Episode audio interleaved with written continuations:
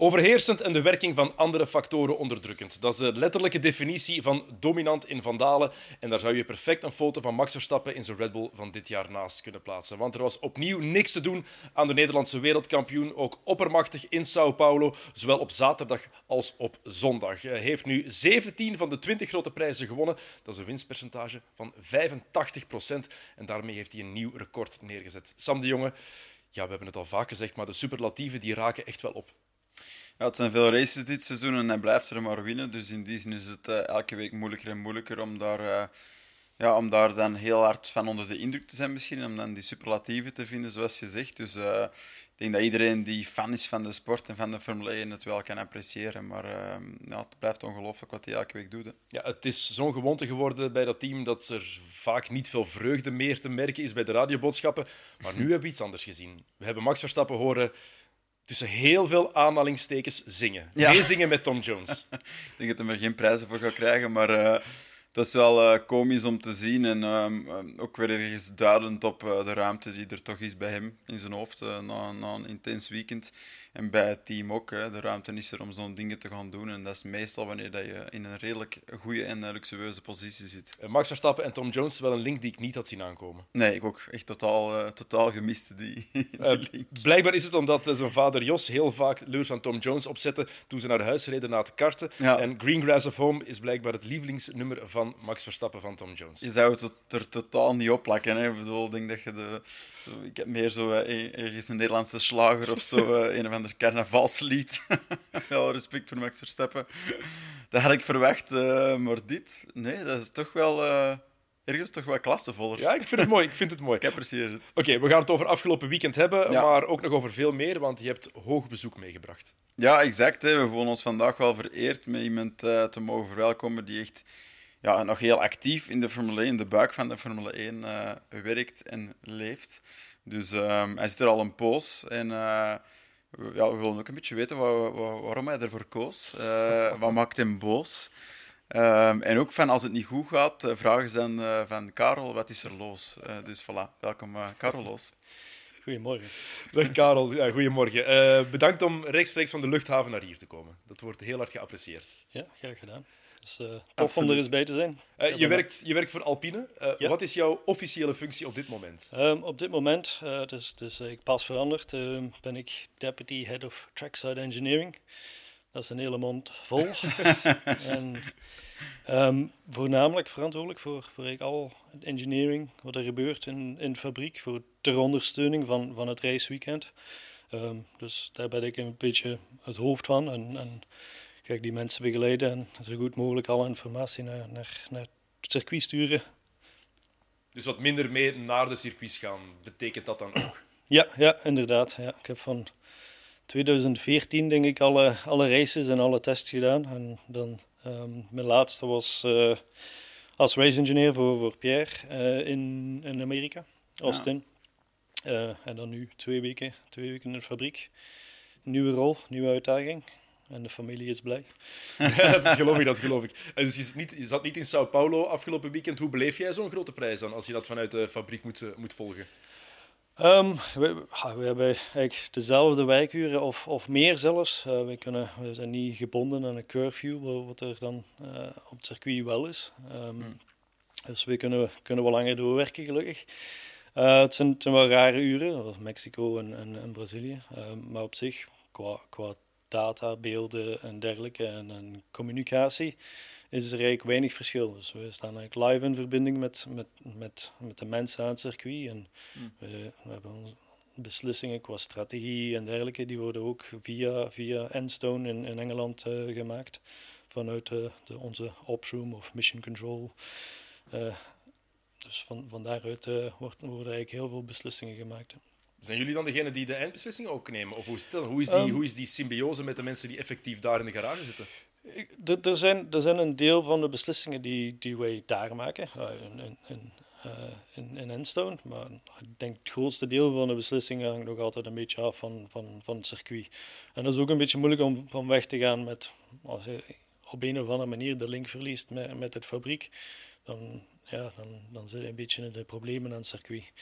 Dus ja, uh, ja dus de meeste van de beslissingen gebeuren wel aan, aan het circuit, maar meeste van de informatie wat die nodig hebben voor de beslissingen te maken, ehm, komt, komt van de fabriek. Ja, je zou denken, Sam, als je dan niet mee bent naar zo'n circuit, dat je toch een beetje die touch verliest. Maar als je dit zo hoort, dan lijkt het toch wel alsof ja, het is wel één groot team dat daar aan werkt. Niet enkel de mensen die wij zien en horen mm. ehm, in de uitzending, die daar gewoon ter plaatse zitten.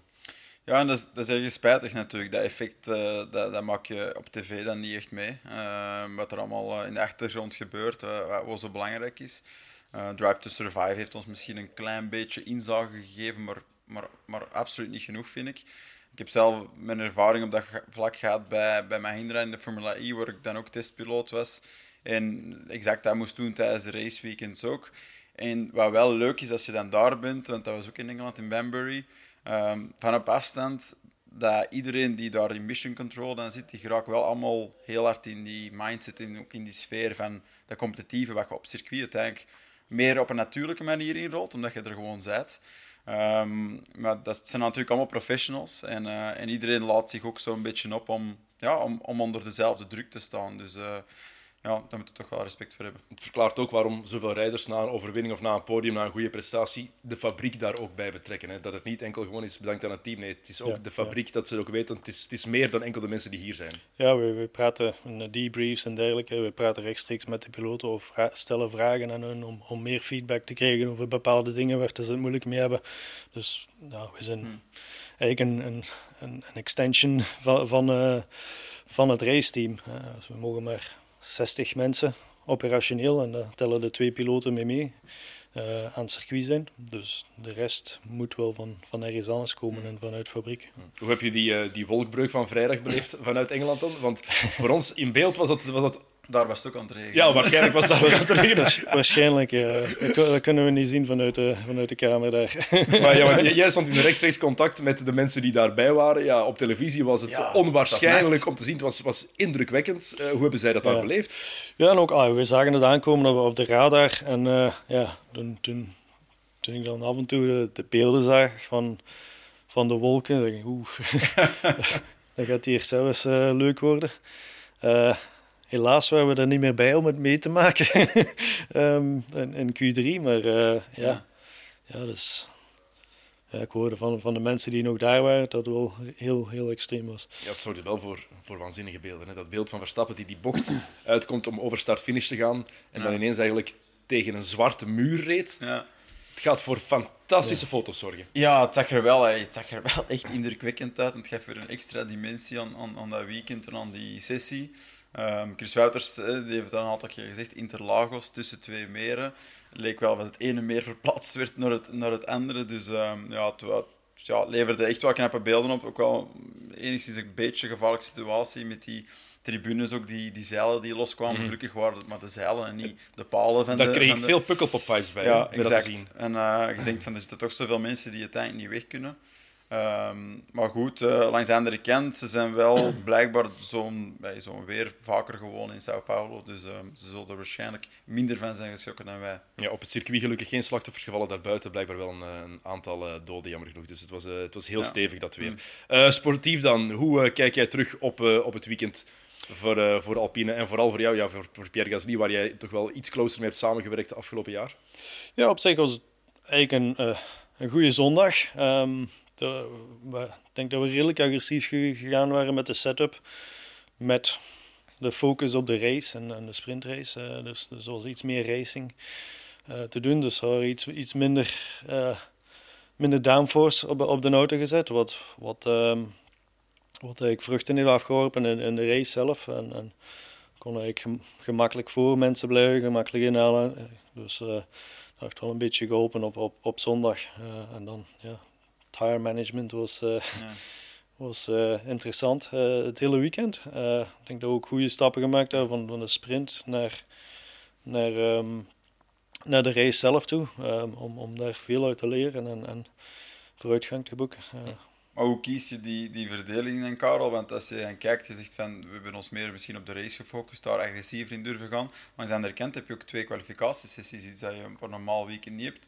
En die kwalificatiesessies bepalen natuurlijk ergens het uitgangspunt van die race. Dus hoe, hoe wordt zoiets gekozen dan? Um, we, we, hebben er overal nummers voor tegenwoordig.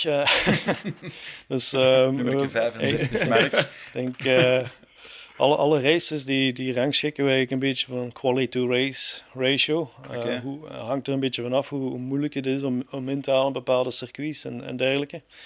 Um, ook voor het weekend doen, doen we natuurlijk veel, veel simulaties en, en berekenen we wat, wat is het beste downforce level. En, en eigenlijk voor, voor de, de achtervleugel wat, wat we hadden, was het eigenlijk vrij, vrij neutraal. Ah, neutraal, dat was ook nog altijd iets trager dan iets, iets meer downforce steken. Maar ja, om, op zich, omdat het dan toch meer racen was en dus een punt in de race ja. en je moet kunnen inhalen of verdedigen, Mm. dan hadden we daarvoor gekozen. En we, we wisten dat het misschien iets moeilijker ging zijn in, in, in de kwalificaties. Ehm, maar ja, het heeft eh, op zondag op, op zijn minst eh, de vruchten afgeworpen. Mm. Op zaterdag was het een meer bewogen weekend, ehm, voor jouw team tenminste, als ik het mag zeggen. Eh Esteban Ocon die in contact komt met, Mhm. met Fernando Alonso. Sam, ik ga eerst aan jou vragen. Hoe, hoe kijk jij erop terug? Wat is daar in jouw ogen precies gebeurd? Ja, om het, om het een iets bredere context te geven, ik heb dat ook eh, tijdens de uitzending gezegd, eh, vind ik ten eerste dat, dat wat de Formule 1-piloten vandaag de dag verwachten, van hoe dat, eh, het circuit voor hun zich opent, vind ik soms nogal vreemd. Het lijkt een klein beetje verwend te zijn. Ik denk dat je, hebt, je windpiloot hebt nog altijd een verantwoordelijkheid om zelf rond te kijken, zelf beslissend te zijn in bepaalde zaken. En er is natuurlijk zoveel info, er is zoveel data en ik snap wel dat ze er gebruik van maken. Ze proberen het ook te optimaliseren. Maar tegenwoordig verwachten ze blijkbaar dat er niemand zelfs niet in hun gezicht rijdt. Uh, en als dat wel gebeurt, dan wordt daar heel snel naar gerefereerd dat hun ronde al uh, om zeep is. En uh, ik denk zeker in vergelijking met zo goed als alle andere raceklasses, waar je zo'n luxe totaal niet hebt, moet je wel dat management doen. En ik denk dat je dat dan ook beter leert doen. Dus in die zin vond ik het, en dat vertelt misschien al iets over bij wie ik meer verantwoordelijkheid leg. Alonso zat er absoluut op een plek dat toevallig slecht was voor Ocon. Uh, dat kunnen we niet tegenspreken. Het is sowieso een moeilijke combinatie, die 1-2. Het is al gevoelig. Het is misschien een punt waar de auto het moeilijkste te controleren valt. Uh, maar ik vind wel absoluut dat als een piloot in deze zin Ocon zich gaat afleiden daardoor, dan is dat een deel van zijn verantwoordelijkheid. En dat is wat er denk ik ergens gebeurde. Hij verliest die auto. En als Alonso daar niet was, dan is er geen crash. Maar Alonso was er toevallig wel. En, uh, mm. Het was toch wel stevig. Ik vind ook trouwens dat je dan altijd ziet van als zo'n Formule 1-auto niet meer kan afremmen, dan besef je pas de snelheid dat ze zelfs uit zo'n bochtencombinatie hebben. Want die Zeker die onboard bij Alonso. Ja, die onboard bij Alonso, maar dan ook de impact toch wel, de deceleratie bij, bij Ocon. Ja, dat, uh, dat laat ons toch soms nog wel even zien hoe snel die sport uh, en hoe hard het die sport gaat. Ja, absoluut. Want je hebt het uh, natuurlijk nu over, over Ocon, maar in het algemeen ook. Ja, we hebben dit jaar denk ik bijna iedereen horen klagen over iemand die in de weg rijdt ja, in de kwalificatie. Ik denk ook dat we ze alle twintig al wel eens hebben horen klagen daarover. Uh, Karel, ik weet niet wat jij erover mag zeggen natuurlijk, maar hoe kijk jij daarop terug op wat daar, wat daar precies gebeurd is? Wie was er schuldig? Um, het is natuurlijk een heel samenloop van, van omstandigheden. Hè. Die, die ja. auto's die zijn super afhankelijk van, van aerodynamica, wat, wat misschien in andere klassen iets, iets minder is. Hm. En, en om, om, een beetje een voorbeeld te geven, als je achter een auto rijdt en, en 1, 2 seconden, dan, dan verlies je zoveel downforce van bijna een goede vijf update pakketten. Hè. Okay, dus terug in de tijd. Dus, dan, dus, ja. dus echt de, de hoeveelheid downforce je verliest met, met, met de lucht van, van andere auto's die, de, Mm. die, die eigenlijk een impact hebben op je auto, dat is, ja, dat is eigenlijk heel, heel groot. En, en ik denk dat dat een beetje de samenloop is van, van omstandigheden daar. Hè. Dus we hadden de wind die een beetje achter hem kwam in, in, in, in de derde bocht, uh, exit van, van, van twee. Mhm. Uh, dan Fernando die, die rijdt eigenlijk aan, aan de kant. En, en maar ja, daar zie je ook nog altijd het wake-effect van, van die auto. En, en dat heeft allemaal een, een, een, invloed. Dan over de curbs, wat altijd al een beetje moeilijk is. Mhm. En je ziet daar heel veel mensen, uh, heel veel piloten Ja. moeilijk hebben en, Correcties en, doen. en correcties doen. Ik denk dat zaterdag waarschijnlijk de moeilijkste dag was, was daarvoor met, met de windrichting. Ja, Norris had het zelfs in zijn pole Ja, lap. ja, ja, absoluut. En uh, ja, ja, dan, dan is de vraag natuurlijk, uh, was Fernando er niet? Waarschijnlijk had misschien had Esteban dan de auto wel onder controle kunnen houden, Mhm. maar die had wel superveel tijd verloren dan echt. Dus uh, ik, weet, ik weet niet of het zijn beste ronde ging zijn, uh, sowieso. Dus uh, Mm. ja, ai. Maar de impact op die auto's eh, qua downforce, betekent dat dat in de vorige generatie wagens nog sterker was? Ja. Omdat het langs Ja. de bovenkant was? En Ja. die, dat ground effect is toch ergens bedoeld Dus- om weg te werken dat je er zoveel invloed van hebt? Ja, Of- dus, dus eigenlijk, uh, ik denk nu, zelfs met, met deze generatie van auto's, uh, is het terug, terug een beetje slechter aan het worden. Maar ja, vroeger, de, de generatie voor uit 2021, uh, was het bijna dubbel zoveel. Hè. Maar is het nu slechter aan het worden omdat Formule 1 teams terug dat al perfectioneren in het pakket? Die proberen ja. weer langs de bovenkant toch nog zoveel mogelijk te gaan halen? Of? Inderdaad. dat belooft voor de volgende jaren. ja, ja, het, ja. Ik denk, denk dat het gewoon terug, terug geleidelijk aan misschien een beetje moeilijker gaat worden.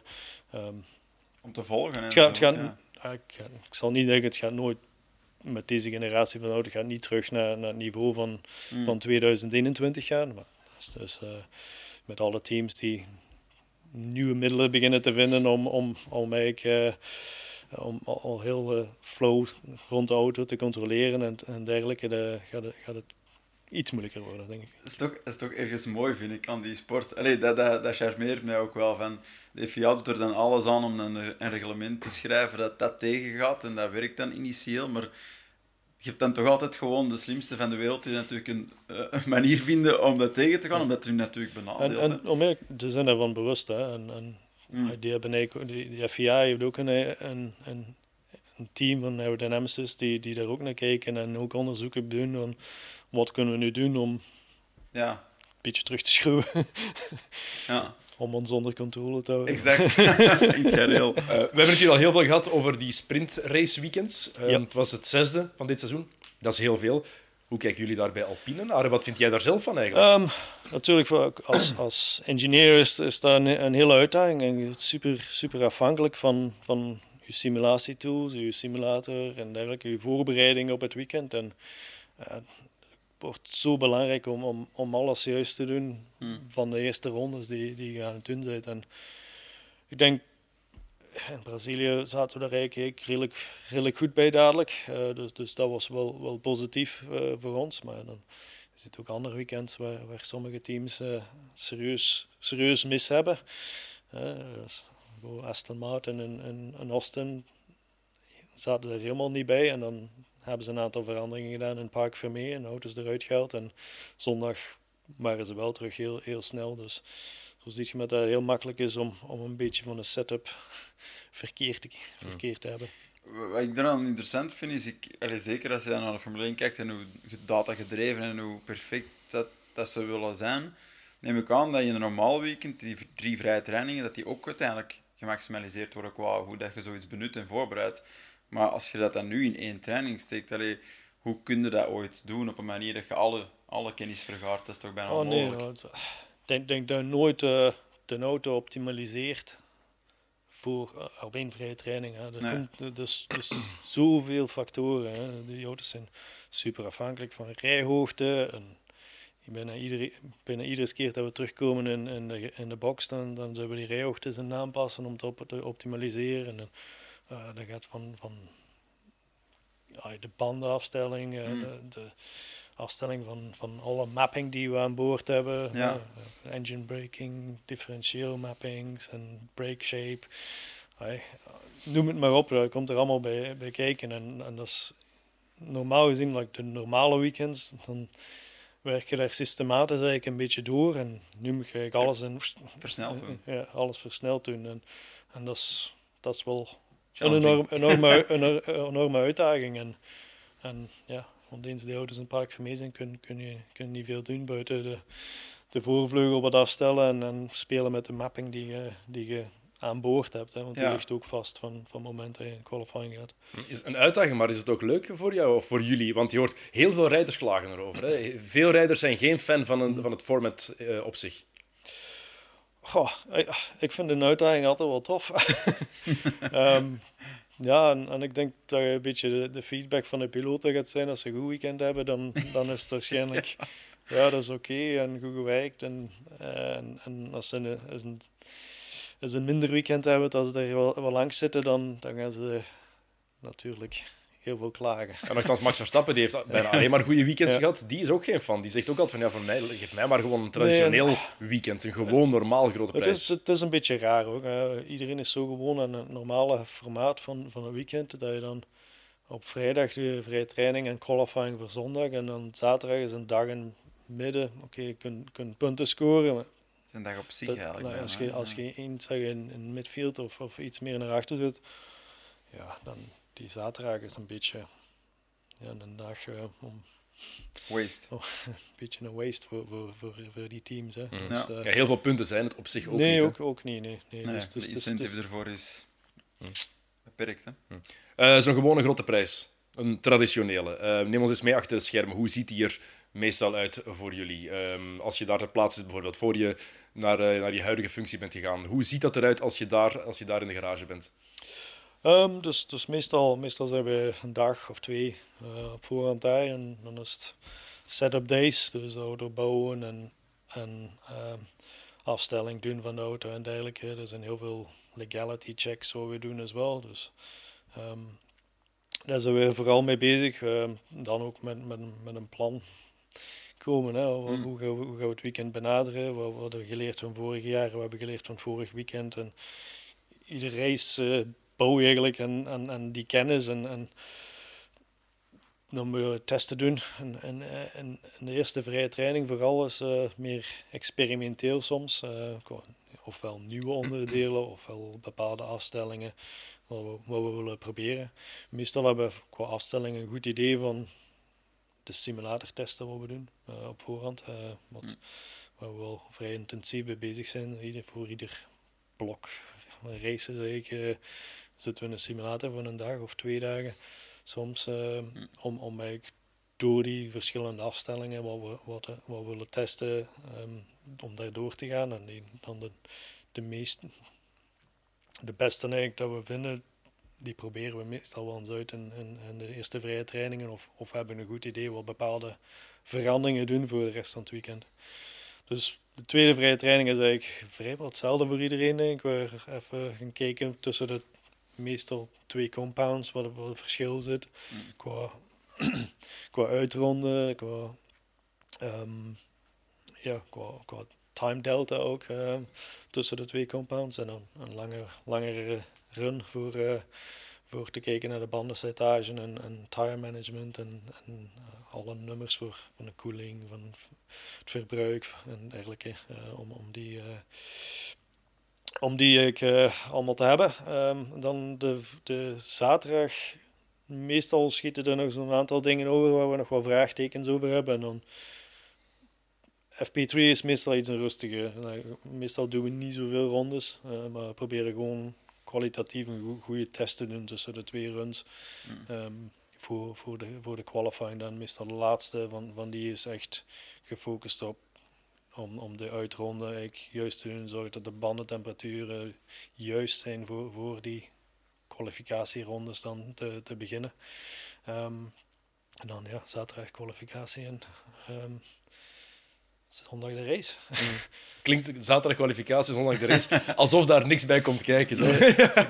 Ja, ah, voor, voor, qua race engineer vind ik eigenlijk kwalificatie het meest, eh, meest stresserende. Eh, en dan tussen, tussen de derde vrije training en kwalificatie Daarom Dat- moet je het goed dat- krijgen eigenlijk. dat is eigenlijk echt alles. Dan, dan moet je een puzzel afmaken eigenlijk. Ja. Hè? Dus ik, ik spreek altijd over een puzzel maken. Je krijgt zoveel informatie van alle richtingen, van, van de motor, van aero, van tires. Van, noem het maar op, komt allemaal binnen bij u en, en je moet het allemaal coördineren en proberen allemaal mooi samen eh, het plaatje te doen passen. En, en, en ehm, ja, om dan de juiste positie eh, te kiezen op de baan ook, is ook super belangrijk tegenwoordig. Ja, Dat hebben we al vaak gezien. Vaak gezien, inderdaad. Dat is ongelooflijk eh, hoe, hoeveel tijd wij spenderen om op, om op de seconde of de auto juist buiten te sturen. Dus eh, om dan de juiste uitronde te doen en, Mhm. en noem maar op. Dus, we spenderen waarschijnlijk meer tijd aan de, aan de uitronde dan aan de ronde zelf. Is het echt? Ja. zat. Dat is wel, dat is wel straf. Gewoon Omdat het echt ook is. Omdat het zo bepalend is voor de banden, de juiste, juiste temperatuur, juiste druk. Dus jullie hebben heel vaak hard gevloekt als er dan ineens iemand beslist om stil te blijven staan in de pits, wat nu niet Ja. meer mag, maar Ja. tot twee weken geleden was het Mhm. nog wel Ja. toegestaan. Ja, dan verlies je heel veel bandentemperatuur en dan Klopt u.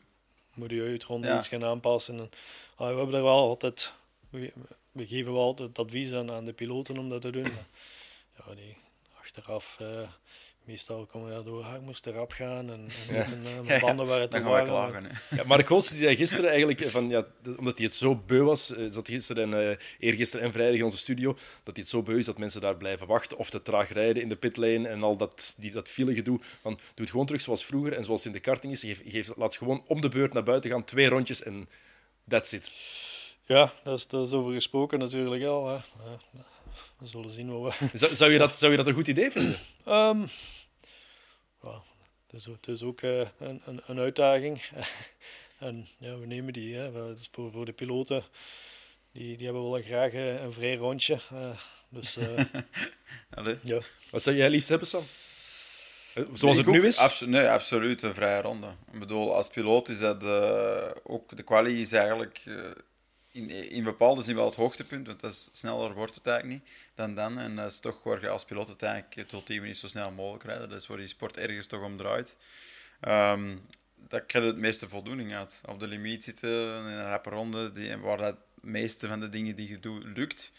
Dat is, dat is het goede gevoel waar je, waar je uiteindelijk die sport voor doet.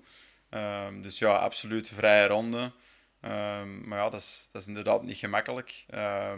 Plus, ik denk dat moeilijke daar ook van is qua organisatie, is dat er best wel wat evolutie vaak is qua circuit doorheen zo'n sessie. En als je Ja. dan mensen eerst buiten stuurt en dan verwacht dat, allee, dat de laatste die buiten gaan op... Nee, die hebben absoluut niet dezelfde condities. Dus sowieso zijn die ergens bevoordeeld. Moeten daar dan gaan werken met een soort van gebaseerd op de vrije trainingen van wie er eerst mag starten? Of gaat het terug naar de vorige race? Of gaat het naar punten kijken in een kampioenschap? Dus ik denk wel dat het veel complexer is dan zomaar even zeggen dat we gewoon one lap of two lap quali format gaan doen. Ik denk wel dat, dat het best aantrekkelijk zou kunnen zijn voor iedereen die kijkt. Want De de- vrijdag moest je vroeg buiten zijn wel. Hè. ja, ja, vrijdag moest je vroeg buiten. Of, eh, of een boot meepakken. Ehm, en roeien met de riemen die je dan hebt. Maar eh, nee, het is... eh, ja, het is wat, wat ik nog wel, wat ik nog wel interessant vind, die puzzel dat je zegt, Karel, is dat iets waar de Formule 1-piloten, waar ondertussen toch een beetje op wereldniveau ook wel wat divas zijn geworden. Ehm, ja, maar ik bedoel eerder qua Ja. perceptie dan, dan, dan per se qua persoonlijkheid, hoe ze zelf doen. Maar ze zijn wel echt verheven door, door, door, door de verschillende tv-dingen. Maar hebben die nog heel veel participatie in zo'n puzzel leggen? Of is het eerder van, jullie gaan ervan uit, jullie hebben dat niveau van, van, van rijden en we sturen nu met dat naar buiten? Ja, nee, het, het hangt een beetje van piloot af hoe betrokken ze zijn. Hè. Meestal, ik denk dat, dat waarschijnlijk de meeste focus ligt bij ons om, om de juiste richting uit te gaan. Ja. Maar deze fase van, van het seizoen heeft de piloot ook wel een redelijk goed idee van, oh, die race hebben we dat gedaan en, Ja. En, en dat vond ik wel goed en dat is misschien wat we nodig hebben hier. Dus die gaat er zelf wel misschien een beetje aansturen, maar de uiteindelijke beslissing ligt, ligt nog altijd wel meest, meestal bij, bij, bij, bij de ingenieurs. voor, voor zo'n beslissingen. En, en het is vooral setup dan. Eh, Ja. Iets meer invloed hebben ze waarschijnlijk op, op runplan en, en, en qualifying bijvoorbeeld. eh, Mm. of, ze, of ze bijvoorbeeld eh, twee of drie runs willen doen in, in de eerste kwalificatie. Dat hangt een beetje vanaf hoe competitief we, zijn soms ook. Maar is die Dat- Bull bijvoorbeeld, die wel de laatste tijd altijd vooraan staan bij het licht staan, als eerste buiten gaan eh, in, in bijna elk onderdeel van die kwalificatie, terwijl ze eigenlijk weten dat ze toch ergens de luxe hebben om, zelfs als ze de laatste vijf minuten één run doen op één setbanden, dat dat misschien zou lukken. Ja, zeker die, die eerste sessies. Dan is, ik denk, denk voor, voor Red Bull, die hebben zoveel luxe dat er waarschijnlijk quali 1 en quali 2 is voorbereiding voor quali 3. Hè. voor, Ja, ja. spijtig genoeg. Om, Dat is om, nog die, om die uitronde eigenlijk te perfectioneren. Ja, ja. En, en, en de beste kans om dat te doen, zoals je het wilt, is om de eerste uit een box te zijn. Hè. Er zijn bepaalde circuits waar je misschien eh, een beetje een, een, wilt van de auto voor, voor u. Maar ja, voor, voor Je krijgt wel keuze, hè. als je eerst staat, dan, dan kun je wel kiezen. Hè. maakt alles makkelijker als je snel bent. Ja, ja, ongetwijfeld. Eh, is dat iets waar je eigenlijk zelf ooit van gedroomd hebt? Formule 1-piloot worden? Ehm, nee, niet echt eigenlijk. Ah, ik, ik, ik rij graag met een auto en af en toe eens karten en dit en dat vind, vind ik ook wel tof. Maar om, om daar echt eh, in, de autosport te stappen als piloot heb ik nooit echt aan gedacht. Ik, ik werkte liever aan de auto's en, en, en die engineering daarachter uh, Mhm. is, is meer mijn, mijn passie dan, dan het rijden zelf. Ja, want het is nu gemakkelijk om te zeggen, hè, we hebben iemand hier die in het midden van, ja, in de buik van de Formule 1-wereld zit. Maar hoe kom je daar in godsnaam Ja. terecht? Goh, ja. ja, hoe ben je erin gerold? Ehm, oh, ja, als- vroeger jonger PlayStation spelen en dan, oh, nou, eh, setup veranderen en dergelijke, spelletjes spelen. Was, was altijd tof. En eh, ik denk dat ik in, in eh, was het 96 of zo was dat, dat we PlayStation speelden. En ik dacht, oh, dat zou cool zijn. En hoe langzaam meer met, met auto's betrokken en, en studies ook in die richting uit. eh, automotive engineering, autotechnologie in, in Antwerpen. Ehm, en ah, langzaamaan combineren een beetje autosport daarbij met, Belgische teams. eh PK Carsport, SRT, Celestag Racing en dergelijke. En, en ah, dat is gewoon gebeten door die, door die passie van, van daar aan mee te werken. En eerst was, was dat de auto keuze en, en langzaamaan interesse tonen voor wat data en, en, en dergelijke. En, en met de studies eigenlijk mee beginnen opbouwen. En, en dan uiteindelijk ben ik in, ehm, wat, wat ik de meeste deuren heeft geopend, is studies in Engeland, denk ik, in, in Cranfield University, waar ik eh, een jaar gespecialiseerd eh, motorsport, engineering en management ben gaan volgen. Hm. En dat staat vrij hoog aangeschreven bij de meeste teams, die daar ook allemaal in de buurt zitten natuurlijk. Ehm, dus eh, dat, dat heeft wel deuren geopend eh, voor mij. Eh, gecombineerd met, met het feit dat ik er- ervaring had in, Mm. met, met teams. ehm, eh, wa- was, wel, was wel super belangrijk voor hen. Want eh die kregen eigenlijk heel veel, heel veel ingenieursrollen bij ons binnen en die komen rechtstreeks van de universiteit, maar die hebben eigenlijk niet veel praktische ervaring. Super slim, eh, maar dan echt die, die, die aanvoeling van we moeten een beslissing nemen eh, te- Mm. op een bepaald moment met de informatie die we beschikbaar hebben. Dat, die voeling hebben, hebben ze dan niet. En, en echt die voeling hebben om, "Wauw, nu moeten we nu een beslissing Ja. maken met wat we voor ons hebben. We kunnen geen doctoraat schrijven Mhm. over, over, Ja. met, de- over de data wat we hier allemaal hebben. Dus eh, ja, dat, dat moet we soms een beetje aanpassen. Maar ja, de Cranfield, dan ben ik in ehm, 2011 begonnen. eh, eind 2011 in Endstone. En daar zijn we nog altijd. Dat is mooi, hè? Het is cool. En ook... Vooral het, begin, het beginpunt. PlayStation Ja, spelen. exact. Dat, dat beginpunt... eh, daarna is het direct natuurlijk anders, maar dat beginpunt is eigenlijk hetzelfde als, als dat voor mij was. Dus eh, als piloot denk ik dat je in die zin dezelfde passie, dezelfde droom voelt. Dus dat is, dat is, dat is cool dat dat op zich... eh, uiteindelijk komt dat samen en de weg ertussen heb je anders afgelegd, maar... maar het begint uiteindelijk wel met, met een uitdaging, met een passie voor, voor die autosport. Hè. Dus dat is wel dat. Mhm. Eh, Dus het is puur dankzij die ervaring die je had en de studies dat je eigenlijk bij, bij Alpine of toen Renault, dat je daar, bent, Ja, dat je daar een was- kans hebt gekregen. Toen was het Lotus Renault, dan Lotus, dan Ja, Renault. Dan Het heeft al veel Alpine. namen gehad, ja. Veel, veel namen. Veel, entiteiten. Ja. ja, ehm, ik denk dat we nu vrij stabiel zitten en, en, en alles is eigenlijk de juiste richting in eh, het uitgaan met, met de, de juiste investeringen en, en Hm. een beetje structurele veranderingen en dergelijke. Dus eh, op zich Mm. ziet het er wel.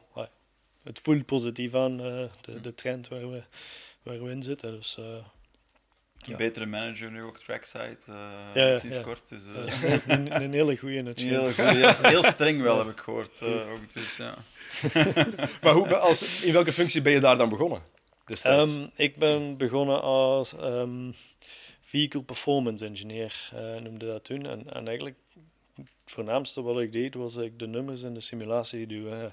eh, achter de schermen, eh, een beetje in de database. En daar ben ik eigenlijk mee begonnen. En ze moesten iemand hebben die, die wat ervaring had eh, en, en wist hoe een auto gebouwd is. En, ehm, en zo ben ik eh, daar begonnen, en, maar dan daar krijg je ook heel veel andere mogelijkheden. En, en je, je moet die gewoon nemen. Hè. Je moet dan niet proberen in je, in, je, in, je, in je box te blijven. Je moet er echt Ja. durven van, oh, dat ziet er interessant uit, daar ga ik eens naar kijken. En durven je nek een beetje uitsteken. En Ja, zeggen, zelf, oh, zelf, kijk- zelf kansen vragen ja, eigenlijk ja, ook. ja, want hoe open is die omgeving? Ah, ik- ah, ik, ik denk nu meer dan, dan, dan het vroeger was. Hmm. Eh, vroeger was, was het echt een beetje van, oh, jij doet, jij doet dit en jij doet dat. En, en eigenlijk had ik daar ook een beetje schrik van toen ik van het GT-reizen kwam, waar ik Hmm. echt een overzicht had over, over een beetje alles. Om dan Enkel één klein ding te een, doen. een klein ding te doen.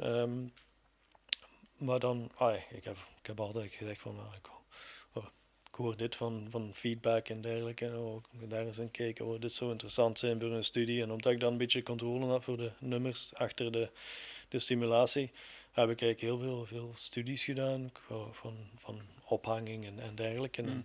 en dat is altijd eh, eigenlijk goed aanvaard geweest. En, en langzaamaan ah, de wist het dat ik altijd de ambitie had om, om naar het circuit te gaan. Dus eh, in was de 2013 was ik, eh, werd ik dan in het race team gezet, maar als een beetje support engineer. Mm. Dus dat was meestal van, van, van fabriek. Ehm, niet, niet zoals het nu is. Eh, nu hebben we een hele ruimte waar 24 man zit met schermen, intercoms en, en, en noem maar op. We hebben, we hebben alles wat we nodig hebben daar. Maar toen, toen was het eigenlijk nog... was- ik zat daar in het midden van de design office eh, met, met een klein doosje waar wat geluid uitkwam. Waar je half, de helft van de tijd niet kon horen wat de piloten zeiden. En, ja, het, was, het was echt... het is Grote evolutie. een grote evolutie eh, sinds, sinds toen. En, Gelukkig. ja, dus ja, dat was interessant.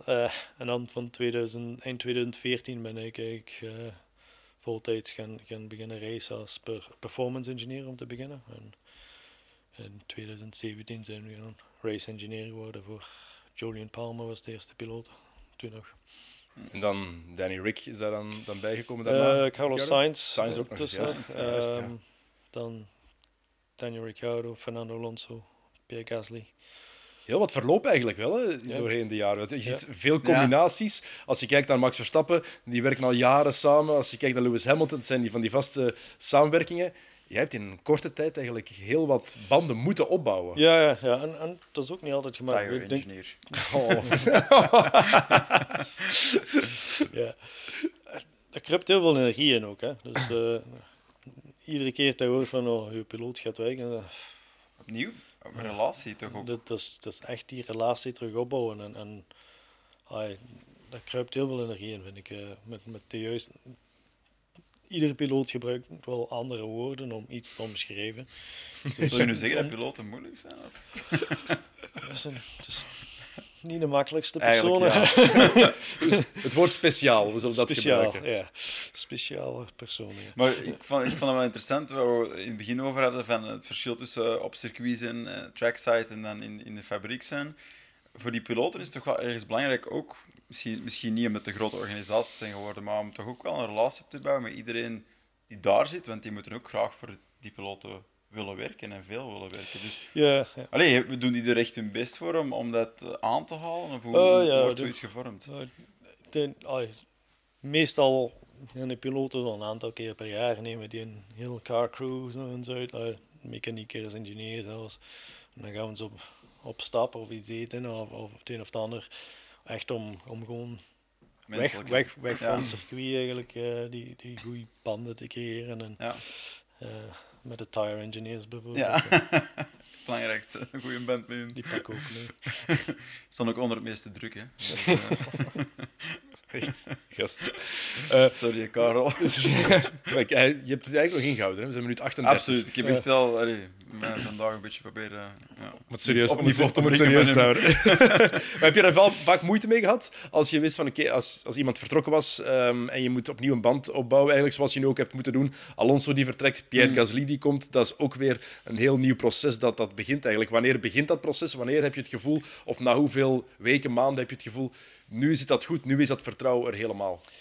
Ehm, ja, so- soms duurde die iets langer dan. dan maar ik denk. Ik denk dat het toch al vier, vijf races in het seizoen dat je begint te voelen van, ah, oké, nu gaan we, nu zijn we langzaamaan aan het opbouwen en, en dat, dat, hangt een beetje af, moeten een beetje experimenteren en ook van, van de circuits waar je naartoe gaat. Ik denk dat bijvoorbeeld, als ik met, met Fernando denk dat we heel veel street circuits hadden op het begin en dergelijke. En, wat, wat niet altijd even makkelijk is als ze niet, nog niet het juiste gevoel hebben met de auto, om 100% vertrouwen te hebben Ja. in een auto. De Om dan- om- zijn. Om, dan ja, om Ja. een stratencircuit, heel veel stratencircuits te doen, is ja, moe- moeilijk eh, Mm. om het dan, dan Ja. op te bouwen. Dus er zijn heel veel factoren die er wel bij meespelen. Maar ik moet zeggen, ik heb altijd eigenlijk vrij, een vrij goede relatie gehad met, met, met de piloten waar, waar ik mee gewerkt heb. En En ja, dus meestal ook vrij goed gaan. Ik denk het laatste seizoen met, met Danny Rick was, was goed, het laatste seizoen met Fernando was, ja. was oké. En, en, en nu met, met Pierre eigenlijk na, na, de, na de zomerstop uh, zijn wij heel, heel sterk bezig. Dus, uh... Dat vond ik wel opvallend, want ja, Fernando Alonso heeft een reputatie. Dat is logisch. Hij gaat al zoveel jaren mee. We weten ook hoe hij, we hebben kunnen horen hoe hij met sommige andere mensen gecommuniceerd heeft. Ik vond jullie verstandhouding altijd heel kalm overkomen. Ja, het leek wel alsof het werkte. Jij, jij lijkt me een heel rustig persoon, alsof dat werkte voor hem. Ja, ja ik, ben, ik ben vrij rustig, maar ik, ben ook, ah, ik probeer ook altijd zelfzeker te zijn met de communicatie naar hem toe. En dat is iets wat Fernando wel enorm apprecieert. Als je echt zegt van, nee, kijk, ik denk dat het zo is. En zo gaan we het ja. denk dat het beste is en zo gaan we het doen. Soms uh, spreekt hij wat tegen, maar als je de juiste argumenten voorlegt, dan, dan is hij super professioneel en dan werkt hij daar. En ik denk dat we wel, uh, met Fernando sprak ik bijna, bijna iedere dag. Uh, dat is dan berichtjes via, via Teams we gebruiken mm. en dergelijke. En, en, en dergelijke, of ons bellen of dit of dat. En, dat is wel een enorme goede communicatie en, en, die is ook iedere dag ermee bezig. Hè. Dus dat is een, een enorm. Uh, hij heeft me nog een beetje geopend hoe, hoe fel dat hij bezig was met, met, met, het, uh, met, heel, met heel gebeuren. En oh, zullen we dit eens proberen? Kunnen we dat wel doen? Of uh, misschien voor in drie races moeten we zien dat we dat, we dat hebben. Het is ongelooflijk hoeveel capaciteit hij die, die heeft en hoeveel tijd dat hij er ook in steekt om, om om te doen wat hij doet. Dat, zo zie je ook achter de schermen wat hem een uitzonderlijke piloot maakt, tweevoudige wereldkampioen. Maar los daarvan, als je kijkt op wat hij op zijn leeftijd nog altijd kan, heeft het gisteren nogmaals bewegen, bewezen. Um, ja, dat zijn de zaken die ik wel heel interessant vind ook, want dat kunnen wij niet zien, wat hij achter de schermen doet, wat, hij, wat er gebeurt in de dagen en weken mm. dat er geen grote prijs is. Ja, ja. Ah, ik moet zeggen, die, iedere, piloot die, die, die, werkt, die werkt wel hard. Hè. Die, die, die, ik sta er misschien niet dagelijks bij sommigen, maar met Pierre was ook ieder twee, drie dagen of zo was wel een telefoontje en bespreken van oh, dit hebben we geanalyseerd en dat, dat zijn de conclusies en, en misschien voor daar gaan we dit doen of, of kunnen we dat eens proberen. En, die, die gesprekken die zijn eigenlijk constant bezig mm. het hele seizoen.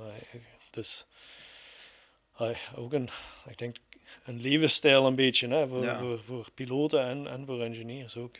Dus je constant, constant erin zitten. Hè. Ik denk dat dat ook nodig is om op dat niveau, voor de details waar het uiteindelijk over gaat, om die goed te krijgen. Hè.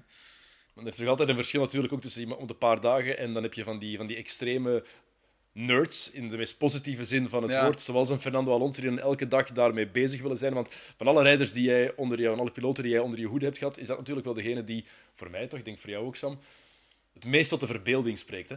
Als je kijkt wat hij al meegemaakt heeft in zijn carrière, al die jaren, dat is onwaarschijnlijk. Ik denk, ik denk ook wat, wat die, die is een tijd weg geweest van de Formule 1. Ja. En ja. Ik heb, voor, voordat ik met Fernando begon te werken, hoorde heel veel verhalen. En ik kwam, kwam eigenlijk bij ons in het team en ik denk dat hij eigenlijk heel veel geleerd heeft in, in, in de WEC. En, in de tussentijd. En, in de tussentijd, mm. qua, qua een beetje like, teamplayer en, en dergelijke. En, en om, om te zijn, ja, die was, voor, voor ons was hij super goed qua, qua echt als teamplayer te zijn. Ja, die was ook zo, al zo vroeg natuurlijk involved in die Formule 1, in die denkwijze, in, in toch daar redelijk uh, self-centered uh, moeten zijn om, om ergens te komen. En in die zin vind ik dat ook niet onlogisch, maar het is, het is wel mooi dat hij ervan is weggegaan en beter is teruggekomen. En dan op een latere leeftijd uh, toch nog zo'n dingen laat zien, zoals gisteren, wat toch wel fantastisch is. Uh, ja. ja. Dus, het maakt hem natuurlijk uitzonderlijk. Hè? Ja. Ja, dat is, dat is hetgene wat Fernando enorm goed doet. Hè. Racen en, en, en zien waar de zwaktes zijn van de andere auto's en, en de sterkte van zijn auto. En, en het zou mij eigenlijk niet verbazen dat hij Perez voor Express heeft laten voorbijgaan de voorlaatste ronde of zo. Omdat hij dan weet van, ik heb, ik, de, ik heb de laatste kans. De laatste DRS. Want het was wel indrukwekkend wat hij heeft laten zien. Ik weet niet hoe jij daar naar kijkt. Voor ons, wij als, ik als, als, race, als Formule 1 en raceliefhebber, jij als, als piloot zelf, Sam, maar jij, ja, jij zit in die wereld, je hebt met hem samengewerkt, dus jij kent hem ook nog door en door. Oh, dat is wat iedereen wil zien, hè. racen hè. Tot, tot op de, tot op de meet. Hè. Ja. dus, maar hij uh, doet dat ook echt. Hè. Ja, Allee, je kunt wel zo misschien denken van ik wil zo overkomen, maar om het dan effectief altijd te doen, die, die honger te blijven voelen En ook snappen, dat vond ik ook wel knap. En ook de extase achteraf te zien van... Die snapt hoe belangrijk het verschil is tussen 4 en 3 voor een team ook. Ja, ja. Qua erkenning, Natuurlijk, ja. in beeld komen, die blijdschap kunnen hebben. Vierde is, is eigenlijk goed, maar net niet. Ja. En derde is net wel. Hè. Ja. Ja. Dus dat vind ik wel ook van een menselijk standpunt wel knap. En ook hoe lang hij verdedigd heeft. Het begon vanaf lap 50, zat Ah. Perez op een seconde. Lap, dat zijn vroeger, hè. 21 ronden. Perez zit er De- altijd de- voorbij de, moeten zijn. de stint daarvoor ook al. Ja. Ja. Dus, eh, in de, de middelste stint eh, zit hij er ook kort achter. Ja. Hè. Dan, eh, het laatste van de stint reed Fernando een klein beetje van, van Perez weg. Eh, en dan, dan ja, de, de, de derde stint. eh, ik denk dat hij daar een beetje, Fernando een beetje voordeel om op nieuwe banden te zitten in vergelijking met Perez. Mm. Ehm, dus dat was een slimme zet, dat hadden wij ook gedaan. dus ehm, dat hielp wel, maar je ziet ook dat die, die, die Red Bull is, die is sneller en, en Ja, objectief gezien is het de betere auto. Ja, hè. ja. Die, die had er eigenlijk toch altijd... Hey, dat vind ik ook eh, in analyse van Perez dan... Het is, het is beter dan de afgelopen races. Eh, ik denk dat Mexico misschien een, beetje, een klein beetje al wel een turning point was van, qua performance van hem. Maar als je dan heel kritisch bent, dan is het met die auto, vind ik, toch altijd nog niet goed genoeg. Hè. Ik bedoel, zit er iemand anders in die, die andere kwaliteiten heeft en je moet bijna al tweede worden in mijn ogen. Ik Dus vond het ook heel interessant om te zien hoe die twee af en toe een verschillende lijn namen. Eh, eh, hoe, hoe Alonso dat, dat heel slim deed, precies wist, daar moet ik iets breder gaan om daar beter uit te komen. En Perez heeft het maar één keer nagedaan. dat is, dat, is, dat is wat Fernando enorm sterk is. Die heeft Ja. heel veel extra capaciteit om, om je rijdt zijn lijn en ondertussen is hij in de spiegel gaan kijken waarschijnlijk wat de, wat de piloot achter hem doet. Dus eh, ja, toen hem daar zo verdedigd dit in, eh, in eh, Budapest, toen Esteban een race gewonnen heeft, Hmm. die na de race zei, "Oh, waar, waarom rijdt Hamilton dezelfde lijn niet als ik rijd? Die, die daar, daar vijf, zes ronden zitten en een, een andere lijn te rijden wat, wat niet sneller was. ja, En, en was zeker hem niet korter bijgebracht om, om mij voorbij te steken. En dan zeg ik echt af, waarom doet hij dat nu? Ja, want dat is wat, wat jullie gisteren ook zeiden, Ja. wat ze in de studio ook zeiden van Bas eh Leinders en Mark zeiden ook allebei. We denken dat Perez het niet ziet, dat hij die lijn, dat, Maar- dat, dat het een groter voordeel is. Zoals Alonso Ja. het wel meteen voelde. Het is, het is, het is, well, het is, het is ergens heel normaal, vind ik. Dat als je achter iemand rijdt, ga je proberen op entry sneller te zijn, want dat brengt je letterlijk visueel ook dichter. Dus dat is sowieso hetgeen dat je automatisch gaat doen. Je kunt laten remmen, want je ziet waar hij remt. En je kunt dan proberen om die entry te versnellen. Maar natuurlijk, als je een entry sneller maakt, dan gaat zijn en exit sowieso beter zijn. En dat was in die zin hier zo belangrijk. En dan nog eens in combinatie met die bandensletage. En natuurlijk de elementen zoals DRS, die dan nogal belangrijk zijn. Om die genoeg meters te pakken op voorhand, zodat die tegen die eerste bocht er eigenlijk bijna nooit aankon. En dat was het geval. En dan vind ik het aanpassingsvermogen van Perez te klein in die zin. Absoluut dat die veel vroeger iets moeten gaan proberen. En mee moeten gaan denken van als ik mijn eigen exit verbeter, ook al moet ik de entry opgeven, ga ik misschien initieel lijken dat ik die meters niet goed maak, maar op exit ga ik die wel terugpakken. En Ook, ook aerodynamisch eh, is het beter om eigenlijk al iets andere lijnen te nemen. Dat je iets meer, naast te zitten. ja, iets meer erlangs zit. Ja, Ehm, om, die invloed minder, die Ja. impact minder te hebben ervan. Zo'n situatie als die van Sergio Perez, waar toch al maandenlang over gepraat wordt eh, in de pers, eh, in de paddock ook, eh, veronderstel ik. Is dat iets wat binnen jullie team ook bespreken wordt, of is dat iets waar jullie zich helemaal niks van aantrekken? goh, ik denk dat we genoeg hebben om ons zorgen over te maken bij ons dan, dan, dan over Perez en Zutje zorgen te maken. Ja, want van, bui- van buitenaf, en daarom dat ik het ook zo benoem, want wij kunnen alleen maar dingen zien van buitenaf, en dingen die er geschreven worden. Van buitenaf lijkt het alsof het ook bij Alpine niet altijd evident is. We kennen de geschiedenis natuurlijk tussen Esteban Ocon en Pierre Gasly. Die is bewogen geweest. Ik denk Ja. dat we dat wel, wel Ja. mogen zeggen. Kan je daar iets over zeggen? Hoe, hoe leeft dat binnen het team? Hoe is dat al geweest? Oh, om eerlijk te zijn, chapeau, ze zijn super professioneel geweest tot, tot nu toe dit seizoen. Eh, voor, voor het seizoen is er zoveel van geschreven en dergelijke. Uh, bij de piloten professioneel in meetings samenwerken. Dus elkaar ondersteuning geven zelfs eh, Mm. als het nodig is. Ik denk dat Esteban zonder problemen Per heeft voorbijgelaten op een, op een andere, andere strategie. Ja, Ehm, klopt. dus ah, op zich ik denk dat we, dat we niet mogen klagen. Ehm, We weten de geschiedenis en het zullen nooit de beste vrienden zijn, maar ze zijn professioneel. En, en, Dat is wat en- telt. ja. Ja. ja. Maar hoe hard vertaalt het zich ook binnen de twee garages? Uh, allee, want uiteindelijk, als race-engineer, uh, uiteindelijk, hoe, laat, hoe hard impacteert u dat dan? Hè? Want uiteindelijk, je zegt gelinkt aan uw piloot. Je wilt natuurlijk dat uw piloot het, het beste doet. Dat is uw focus. Ja. Eh, vertaalt zich dat soms ook in, uh, in, in, in, in, um, in relaties, zou ik zeggen? Om, om meer te zijn, we hebben een hele goede groep qua trackside engineers en, en we werken eigenlijk heel goed samen. Ook. Dus uh, ja. Ook gewoon professioneel? Ook, ook professioneel, ja. ja. Dus ja.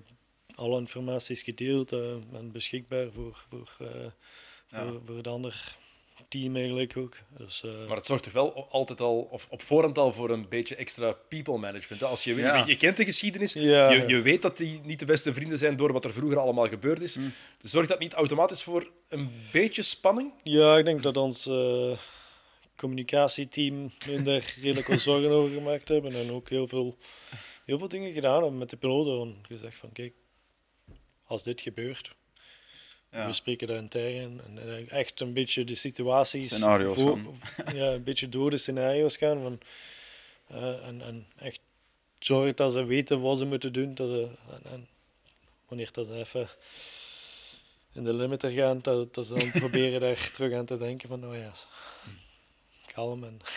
Ja. Um, we kennen, ook, we kennen elkaar niet persoonlijk. De eerste keer dat ik jou nu zie, ik heb jou veel horen praten, ik heb je in interviews al gehoord. Um, het lijkt me heel moeilijk om ruzie met jou te hebben, um, van op het eerste gezicht. Maar ik dacht, vraag me toch af, met iedereen met wie je samengewerkt hebt van piloten, met wie heeft het het hardst gekletterd? En heeft het wel gekletterd?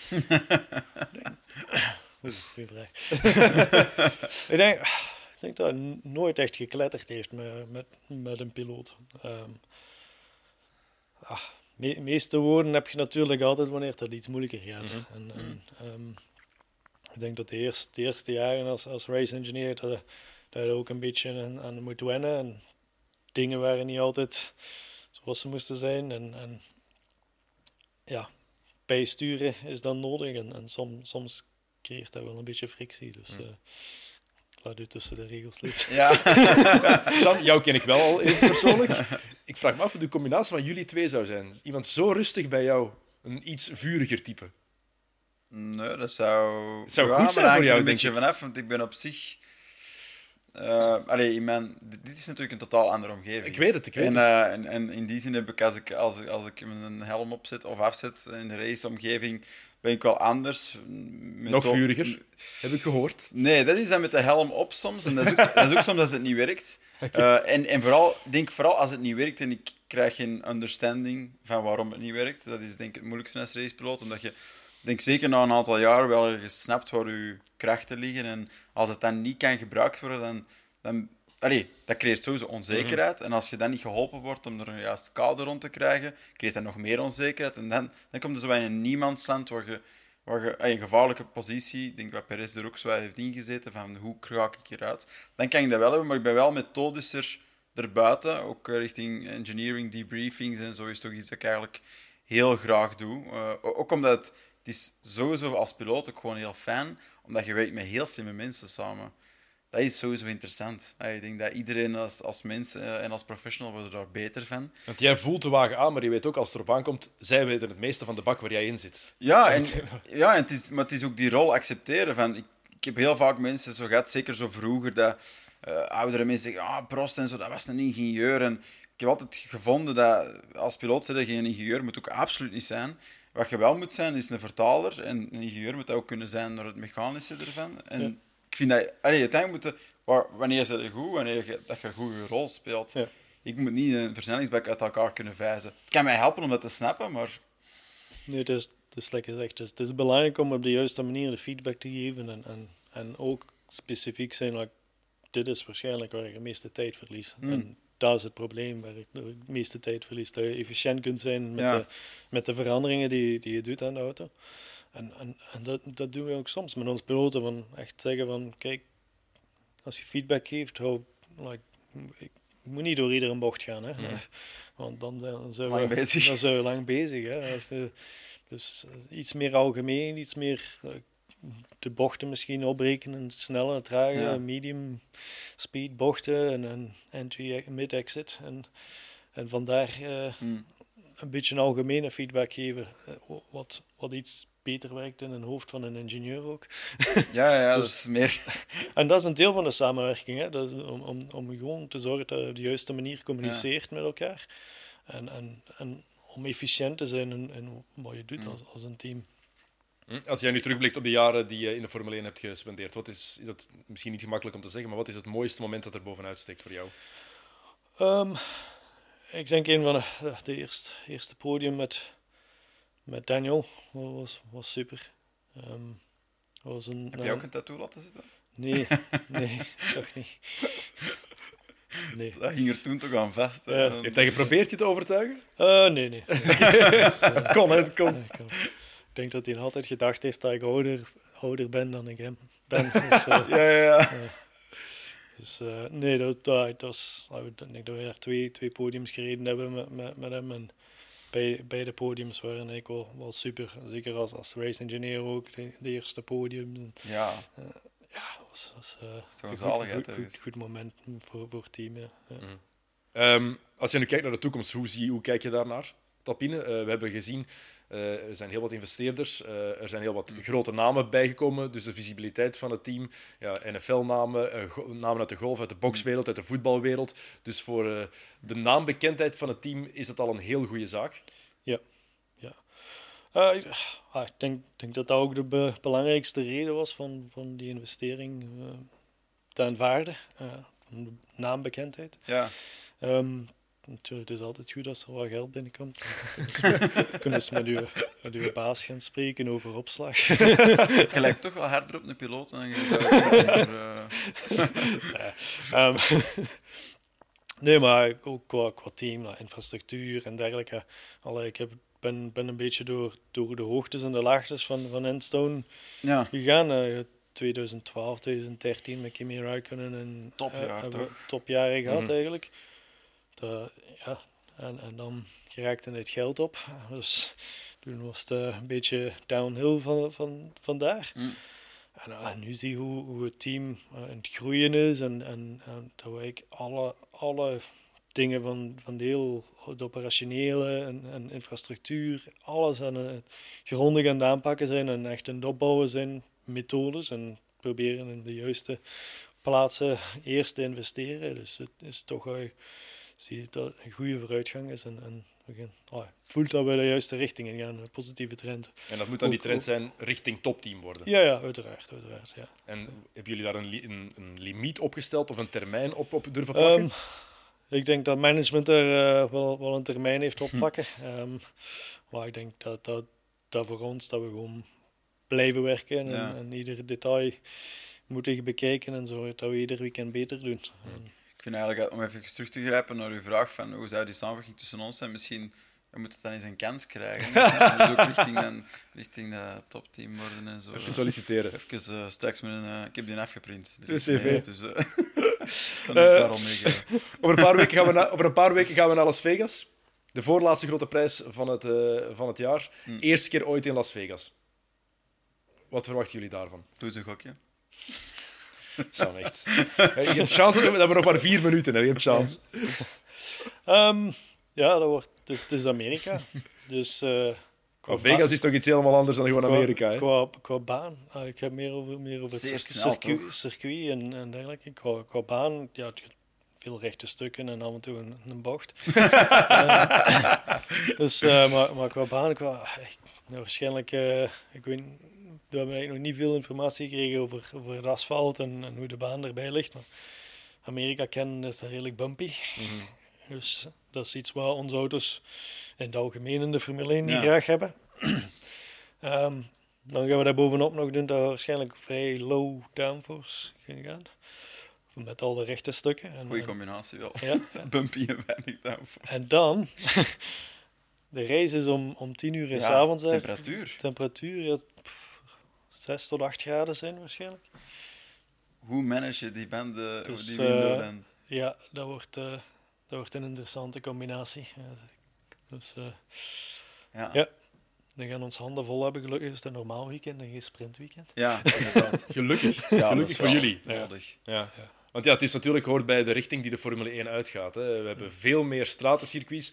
Um, Amerika is belangrijker en belangrijker aan het worden. Ehm, hoe kijk jij daarnaar, naar de richting waar de Formule 1 uitgaat? Is dat iets waar je, waar je enthousiast van wordt? Of heb je zoals heel veel van, van, van, ja, van onze analisten en wij toch wel heimwee naar meer traditionele circuits? Oh, ik, ik, ik vind het wel een goede mix. Uh, eigenlijk. Ze, ze, willen er iets meer een show van maken.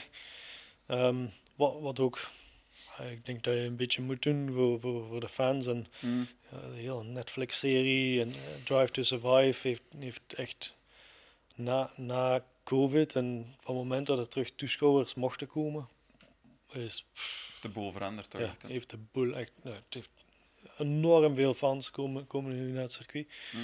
Ik denk dat dat een beetje een minderen is, dat het terug, iets, iets een terugval is qua, qua toeschouwers. Ik denk dat Amerika hadden ze acht duizend minder mensen of zoiets ja. over het hele weekend. Dus dat, daar verschillende circuits zien een beetje de trend dat er wat minder, minder toeschouwers komen. Kan ook bijna niet anders. Ik denk dat twee, drie jaar met uh, naar Drive to Survive keken en niet naar het circuit kunnen gaan. Door COVID uh, heeft natuurlijk die boom ja, ja, veroorzaakt. veroorzaakt. Uh, maar ik denk, voor, voor, voor mij de, een goede mix van, van traditionele circuits en, en een aantal nieuwe per jaar is, is, wel, is wel leuk. Oké, goed. Sam, um, over een paar weken naar, uh, naar Vegas. Wat verwacht je daarvan? Verwacht jij nog eens Verstappen boven? Goh, ja, Zou 18 op 21 zijn, hè? Ik denk... Ja, ik weet het. En, maar ik denk eigenlijk in een situatie zoals Vegas, waar het nog moeilijker is om snel tot een juiste conclusie te komen in een afstelling en waar in uw voorbereiding er is een beetje blind gebeurt, denk ik dat team dat het er het beste voor staat. Dus nog het gemakkelijkste nemen met de, daar juist te krijgen. Die voorsprong wordt daar misschien dan nog wat, wat, wat geëxtrapoleerd, wat, wat duidelijker. Dus in die zin, uh, ik blijf natuurlijk hopen op, op, op een speciale race. Uh, op is een andere winnaar. Ik denk dat dat goed is voor de sport. Zeker tegen het einde van het seizoen. Om mm. mensen door die winter mee te krijgen richting de nieuwe races van volgend jaar. Maar uh, ik vrees er wel een beetje voor. Maar ik vind het wel interessant wat erachter gebeurt. Absoluut. Goed. Karel, bedankt om langs te komen. Uh, ik wens je het allerbeste. Heel veel succes met Alpine uh, de komende races en de komende jaren. Dank je wel. We wensen je alleen maar alle succes toe, Sam. Bedankt om langs te komen. Bedankt om een geweldige gast te regelen. Ja, ja Goed gedaan. ik heb geluk gehad dat hij zo vriendelijk was om dat te willen doen met ons. Dus, Absoluut. Goed. over een paar weken is er de grote prijs van Las Vegas. Die kan u bij ons volgen. Dat is heel vroeg. maar dat is, ik wou zeggen, perfect voor in een weekend. Maar dat is niet waar. zet gewoon uw wekker en u kan er misschien vanuit uw bed van genieten of ga voor een keer vroeg naar de zetel. Het gaat alleszins de moeite zijn. Wij zijn er dan ook weer terug met een nieuwe aflevering van de Perrock, de voorlaatste van dit seizoen. Tot dan. Salut.